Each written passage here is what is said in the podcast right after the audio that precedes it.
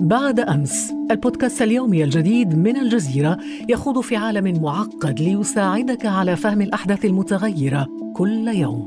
دائما ممتع دائما راهن دائما هناك.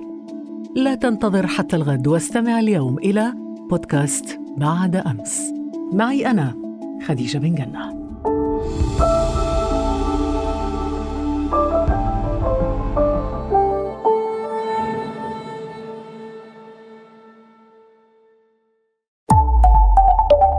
الجزيرة بودكاست.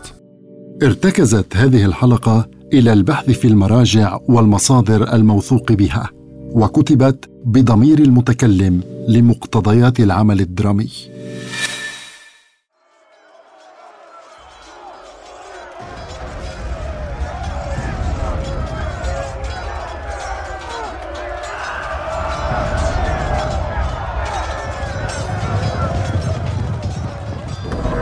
محمد! يا أم محمد! ما بك؟ جهزي نفسك. سنرحل عن هذه البلاد. فالوضع ما عاد يطاق. المغول يدمرون المدن يحرقون المكتبات ويقتلون الناس وحضارتنا. سنرحل! سنرحل!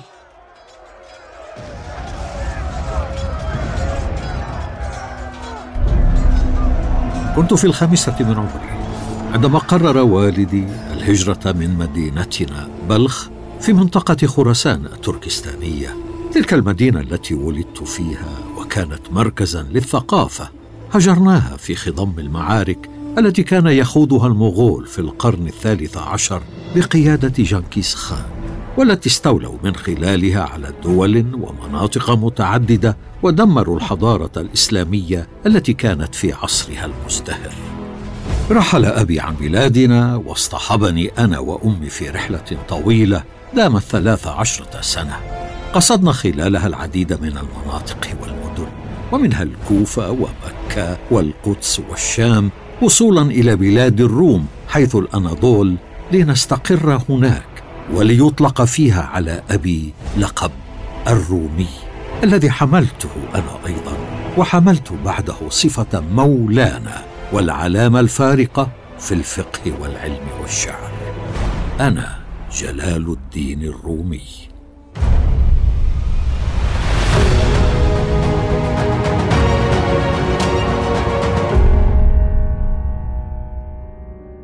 أهلا بكم متابعينا الأعزاء في حلقة جديدة من بودكاست رموز من الجزيرة. أقدمها إليكم أنا جهاد. حيث يحدثكم مولانا جلال الدين بصوتي ويخبركم عن حياته واجتهاداته وعلمه وفقهه وشعره وما مر به خلال سنوات عمره. ولن اكون وحدي في هذه الحلقة. سترافقني سيلينا. أسعدتم أوقاتا أيها الأصدقاء.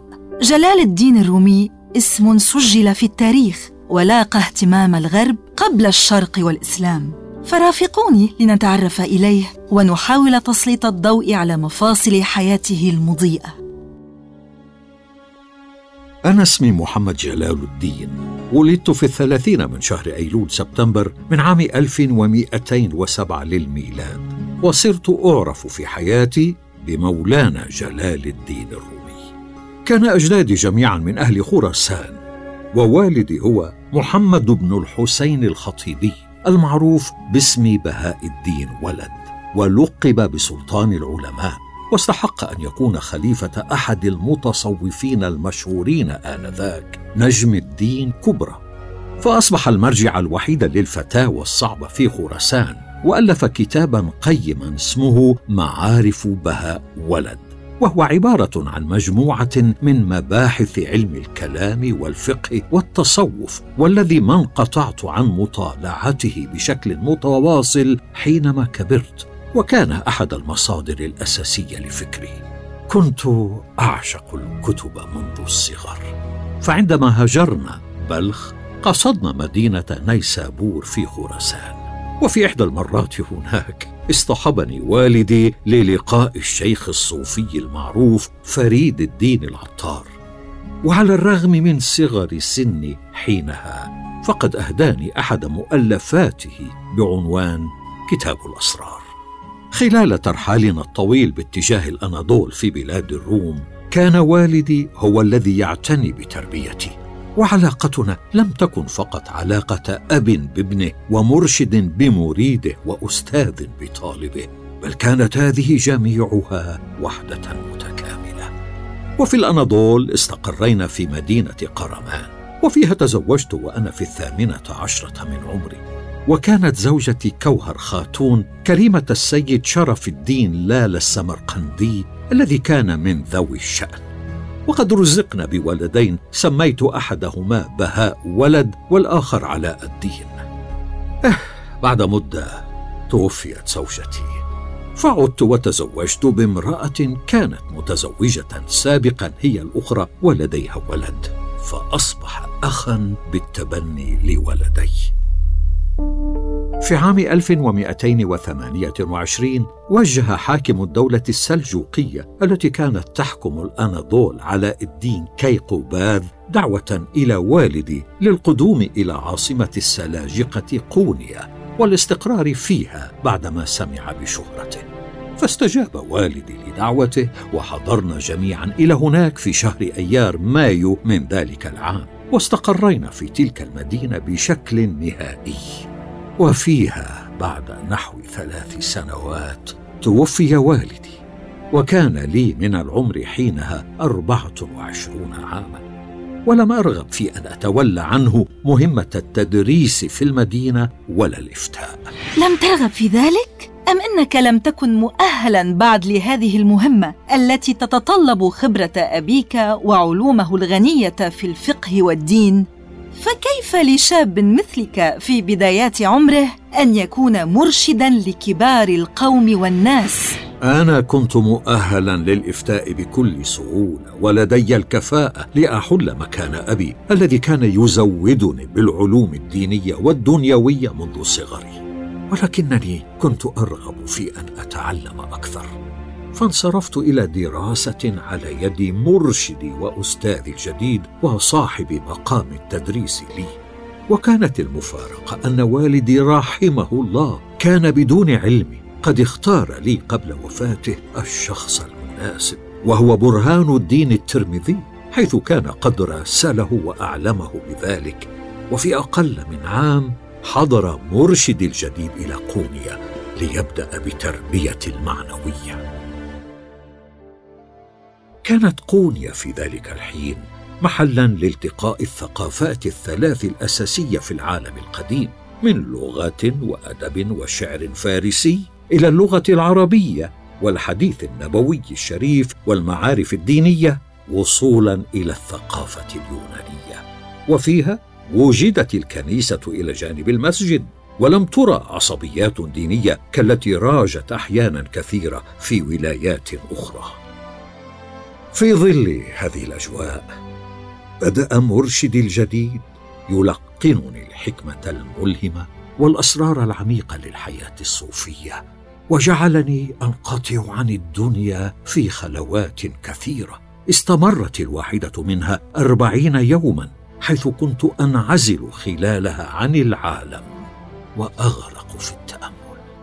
وعندما شعر ببلوغ درجات عليا من الاستنارة والصفاء. رأى أنه علي التزود بعلوم ذلك العصر فطلب إلي التوجه إلى حلب من أجل تلك الغاية.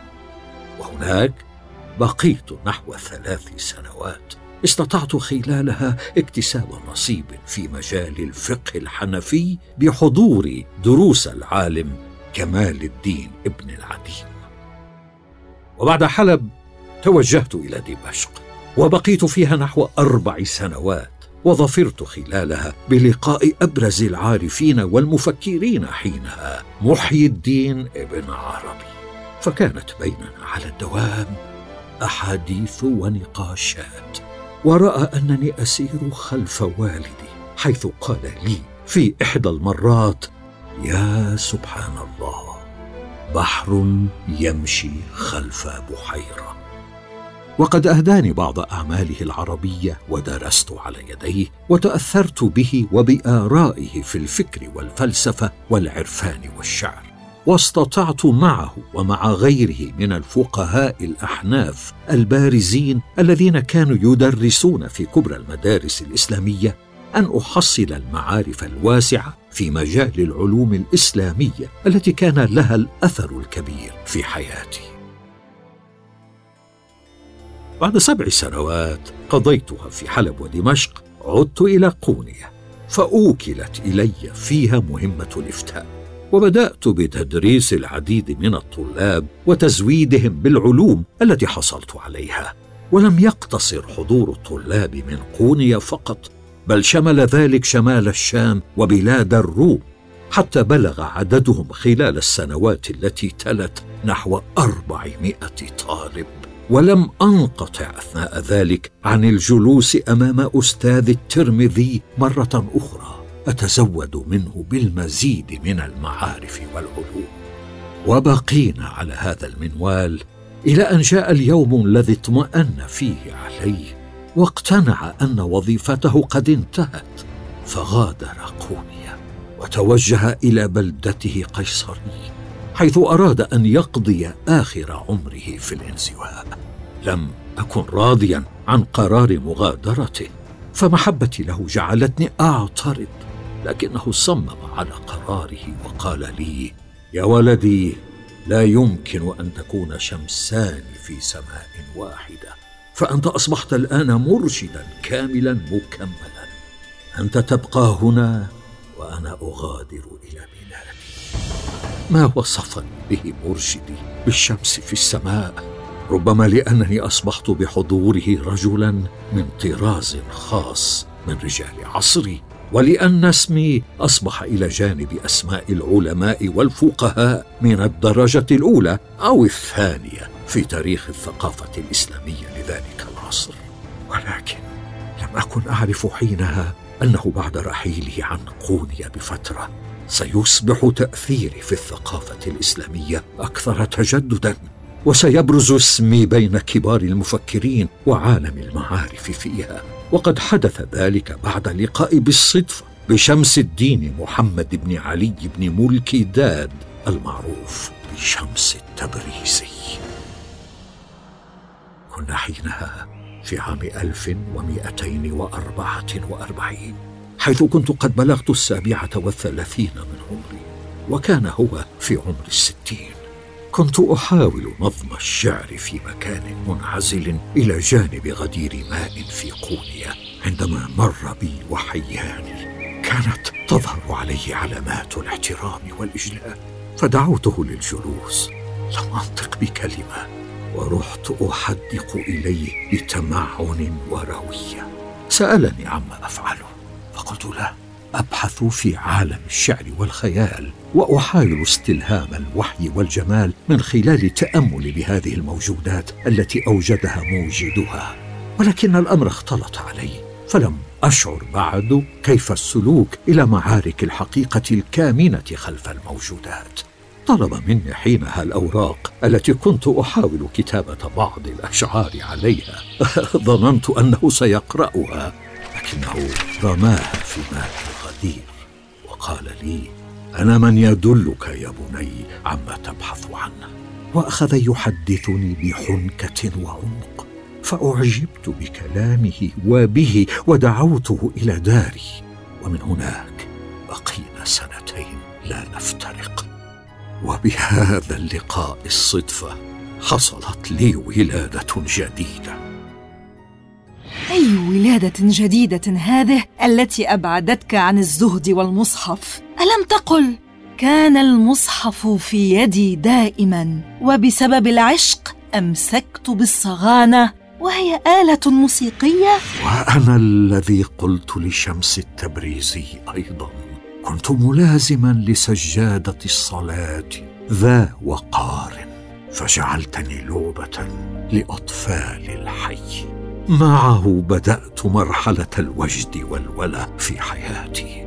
هو رجل حظي من العلوم الرائجة في عصره كالفقه وآداب العرب بنصيب واف. وكان ينظر إلى مجالات الدين والأخلاق والتصوف نظرة قاسية وحادة وغير مبالية. وهو كان في نظره مظهرا لكمال الإنسانية والعشق. وهذان المفهومان مرتبط أحدهما بالآخر ارتباطا قويا إذ كلما اكتملت الإنسانية تمتع العشق بقدر أكبر من الكمال لأن العشق أمانة إلهية أسلمت للإنسان. لم يكن معيار الشمس في تقويم أهل العشق العلم والفضل والزهد والعبادة. وعلى هذه القاعدة أدركت من خلاله أن جوهر التصوف والتعاليم مبني على الحب والعشق الذي يعطي قيمة لكل شيء دون أن نفرق بين الناس والذي لا يرى الاختلافات بينهم سببا للنزاعات بل سببا للمحبة. وهذه تعاليم تنظر إلى الجوهر الإلهي في الإنسان وتخاطب الروح. لذلك أصبح الحب عندي مقتصرا على الله تعالى وهو در نادر وحب نزيه إذ إن حب الإنسان حب مصطنع والجوهر هو الله تعالى. وهذا يدعونا إلى التعلق به لأنه أبدي وليس إلى التعلق بالوجود الفاني.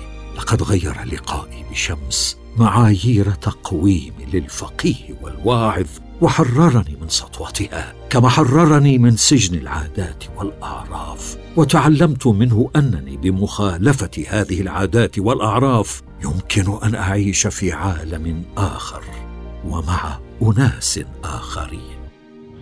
لا أفهم هذا العالم الآخر الذي تتحدث عنه. أمن أجله تركت الزهد وبدأت بنظم الشعر وخالفت العادات والأعراف التي كانت سائدة في المجتمع؟ أبهذه البساطة قلبت كل المفاهيم عن دورك كعالم وزاهد ومفتي وواعظ؟ يا سيلينا لن تفهمي ما الذي فعله بي شمس التبريزي ومدى تأثيره علي فمن أجله وأجل أفكاره تركت التدريس ومجالس الوعظ وتخليت عن الإفتاء وبعد أن كنت أقرأ طوال الليل تركت القراءة بإشارة منه وأصبحت أصوم يومين وأفطر يوما عندما كانت شمس حقيقته تسطع على شروق روحي.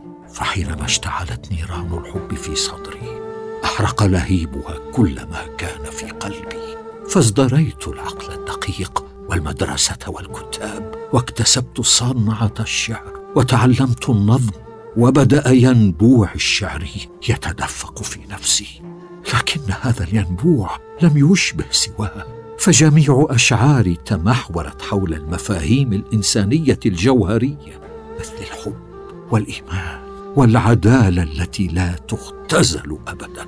وفي قصائدي تمردت على ما يقيد الإنسان ويحرمه من القيم السامية. ما أردت بشعري الحياة في إطار القيود المعروفة فتمردت من خلاله على ما يربط الإنسان بالحياة المادية من عشق للكائنات ولجريان الوجود واتساعه وللإنسان الكامل كان واحدا من أكثر العوامل الداخلية قوة لإنشاد منظوماتي. فأدركت أن الشعر الممتع والمؤثر الذي يكون موزونا ومثيرا يؤثر في روح السامع وقلبه ويغمره بالتفكير فوق شريط الزمان المهتز ويدفع الروح إلى الطيران في عالم الرؤى. ولذلك نظمت الكثير من القصائد وجمعتها في ثلاثة دواوين. فلي ديوان الرباعيات التي تطلبت أبياتها قدرا كبيرا من الخلاء فراغا كي تجول سماء فضاء باطنيا من الاناه والوجد. كنت أحيا على حرف الخبل. أهوى لو أدري الأسباب أطرق على باب فيفتح. صرت أدق عليه من باطنه. وضم ديواني هذا 1659 رباعية وعدد الأبيات فيها ثلاثة آلاف وثلاثمائة وثمانية عشر بيتا.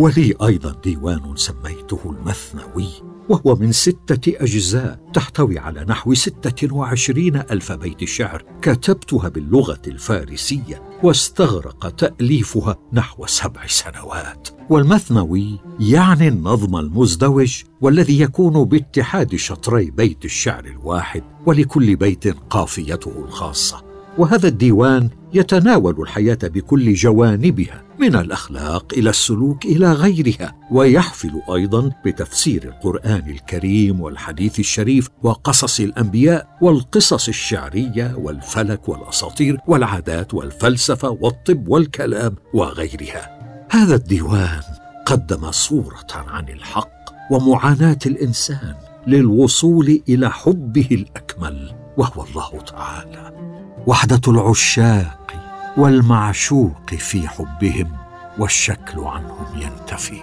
فخذ المعنى ودع عنك الصور تجد الوحدة كنزا مدخر. إن تغابيت فألطاف الإله سوف تهديك إلى سر الحياة.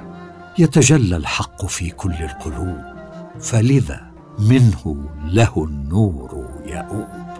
أما ديوان الثالث فقد سميته شمس تبريز واحتوى على ثلاثة آلاف وخمسمائة قصيدة تشكلت من نحو ثلاثة وأربعين ألف بيت شعر. وقد سجلت فيه ذكرياتي مع أستاذي شمس الدين التبريزي. تلك الذكريات التي حملت الكثير من المعاني والفرح وأيضا الألم. فهو بعد بقائنا سويا لمدة طويلة. تركني على حين غرة وغادر قوني فآلمني فراقه وانشغلت بالبكاء والنواح على امتداد الساعات والأيام. رجع بعد خمسة عشر شهرا. علمت أنه ذهب إلى دمشق ليقضي وقته في الرياضة والمجاهدة في حجرة في إحدى المدارس. وبعد رجوعه امتزجت به أكثر. وأظهرت له الإخلاص اللامحدود وكنا نستغرق في الحديث ليلا نهارا لكن بعد هذا الرجوع أيضا كثر اعداؤه واعتقدوا أنه بتجاوزه للأعراف والتقاليد يسعى إلى إشاعة النفاق والفساد بين الناس. وصار من أهم وظائف المحافل الروحانية في قونيا أن تطرده أو تسكته وتقمعه. وحاول أصحاب النوايا السيئة كثيرا إفساد العلاقة بيني وبينه وعندما عجزوا صمموا على قتله. وماذا كنت تنتظر من المحافل الروحانية بعد أن حولت أنت وشمس بيوت قونيا وميادينها إلى مراكز لحفلات السماع والدوران المديدة؟ واعتبرتما أن الرقص يهب الناس هدوءا محببا وأنه في تلك اللحظات يثير في القلوب الحيوية والشوق إلى الحياة. وبعد أن ادعى أتباعكما من المولويين الدوارين أن السماع يحرك القلوب إلى عالم الغيوب. ألم تطلق تسمية المولويين بسببك يا مولانا؟ بلى سيلينا المولوية طريقة صوفية ارتبط اسمها بي وتقوم على الرقص بالدوران والإصغاء للناي والموسيقى. هي صلاة وطريقة للتواصل مع الله بإغراق النفس في الحب. عندما غادرني شمس فجأة وألم بي الحزن والألم الشديدان صرت لا أشعر بأحد من حولي. وفي إحدى المرات خرجت من منزلي هائما على وجهي وتوجهت إلى الطريق. حيث يوجد سوق الذهب. كان الصاغة يعملون في ذلك الوقت. بدأت أسمع أصوات مطارقهم. اصغيت إليها بانتباه شديد. وما هي إلا لحظات. حتى بدأت أدور حول نفسي دون أن أعبأ بمن حولي. شعرت بأنني في عالم آخر. وكأنني الوحيد في هذا العالم. وبقيت أدور وأدور ناسيا الوقت وشعرت بالسلام والسكينة وبأن كل ما كان يحصل في هذه الرقصة هو ذكر الله هو ذكر الله الذي به نستمد الحب. بعدها انتشرت هذه الظاهرة وصرت أجلس للسماع والرقص فاعتبرني المخالفون والحاسدون مختل العقل من أثر مداومة ذلك. فأنا عندما شاهدت أن الناس ليسوا ميالين إلى الذهاب نحو الحق كما يجب ويكونون في النهاية محرومين من الأسرار الإلهية اضطررت إلى سلوك طريق اللطافه والسماح والشعر الموزون المناسب لطبائعهم وأمزجتهم. وغذيتهم بهذه المعاني سرا. لكن المشكلة كبرت بعد عودة شمس لم يدرك كبراء قونيا قدراته العلمية والفكرية والروحية والعرفانية. واعتبر أعداؤه أنه بمساعدته يريد أن يخلع على السماع والرقص شيئا من التجلة والاحترام والتقدير وأن يدعو الناس إلى أن يمضوا ساعات من الليل والنهار في جلساتها. فمضوا في تنفيذ مخططهم لقتله. وأرسلوا إلى منزل حيث كنت أختلي معه في حجرتنا. ستة شبان من ضمنهم للأسف. ابني الأصغر علاء الدين الذي كان يكره شمس. دخل أحدهم حجرتنا ودعا شمسا إلى المبارزة فخرج من الحجرة وحيدا بسبب إيمانه الراسخ بالحقيقة والحق والمعرفة ولم يرد الاستسلام أمامه. فكانت الخناجر تنزل بقسوه في جسده. وهو يقاومهم باليد والصفع وبصيحة أرعبتهم واختفى من أمامهم ولم يجدوا من أثره سوى بضع قطرات دم ومنذ ذلك اليوم لم ترى علامة له أو أثر. رحل شمس عن حياتي وبقيت أنا أمارس ما علمني إياه. وأطبق الغاية من المجيء إلى هذه الدنيا بمزاولة العشق وفعله. ووثقت ذلك بكتب متعددة فإضافة إلى دواوين الشعرية ثلاثة كان لي كتب نثرية وهي كتاب المجالس السبعه الذي تضمن المحاضرات التي كنت ألقيها في مدارس الوعظ والإرشاد وكتاب فيه ما فيه الذي ضم مجموعة من أحاديث ومحاورات ومواعظ وكتاب الرسائل وهو عبارة عن مجموعة من الرسائل التي كتبتها لأقاربي وأصدقائي وذوي الشأن. وكانت الغاية منها حل مشكلات الناس البسطاء الذين قضى ربنا سبحانه تعالى أن يقعوا في ورطة أو يعضهم الدهر بنابه. لم اسعى طوال حياتي إلى التقرب من الملوك وأصحاب النفوذ والسلطان ووقفت ذاتي على مساعدة الفقراء والمحتاجين بأمانة وإخلاص. كان أهل قونية ينادونني بمولانا ويلقبونني بالمولوي واحيانا يطلقون علي اسم جلال الدين محمد البلخي نسبة إلى موطني الأصلي. وكنت حريصا على أن أكون إلى جانبهم دائما. وأوصيت تلاميذي بتقوى الله في السر والعلانية وبقلة الطعام وترك الشهوات واحتمال الجفاء من جميع الأنام وترك مجالسة السفهاء والعوام ومصاحبة الصالحين والكرام. ها نحن الآن في أواخر خريف عام 1273 قبل فترة قصيرة حدثت زلازل كثيرة في قونيا. دفعت بالأهالي لقضاء لياليهم خارج بيوتهم إلى أن وقع زلزال اقتلع الأرض من مكانها. قلت يومها للناس لا تخافوا جاع بطن الأرض.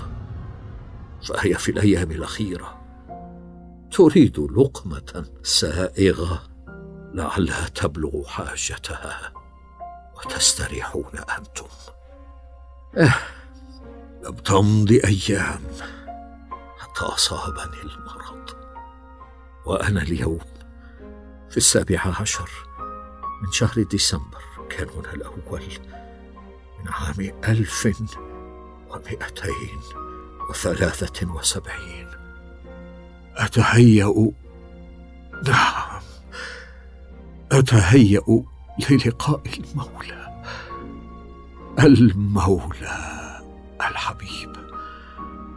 فالعشاق الذين يموتون عارفين. يموتون أمام المعشوق. كالسكر. كالسكر يذوبون تدريجيا. امام الحلاوة الأبدية. للحق سبحانه.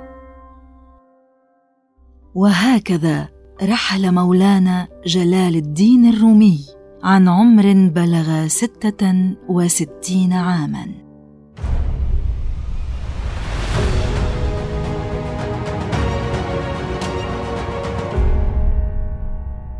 في الحلقة المقبلة من بودكاست رموز سنتناول سيرة رمز آخر رحل وترك أثره في حياتنا. لا تفوتوا حلقتنا التالية الأسبوع المقبل، ويمكنكم الاستماع إلينا عبر Google Podcast أو Apple Podcast أو SoundCloud. فقط ابحثوا عن الجزيرة بودكاست. كما لا تنسوا مشاركة هذه الحلقة وزيارة موقعنا على الإنترنت podcast.aljazeera.net كان معكم جهاد وسيلينا من بودكاست رموز من الجزيرة. إلى, إلى اللقاء, اللقاء. بعد أمس البودكاست اليومي الجديد من الجزيرة يخوض في عالم معقد ليساعدك على فهم الأحداث المتغيرة كل يوم. دائما ممتع دائما راهن دائما هناك. لا تنتظر حتى الغد واستمع اليوم إلى بودكاست بعد أمس. معي أنا خديجة بن جنة.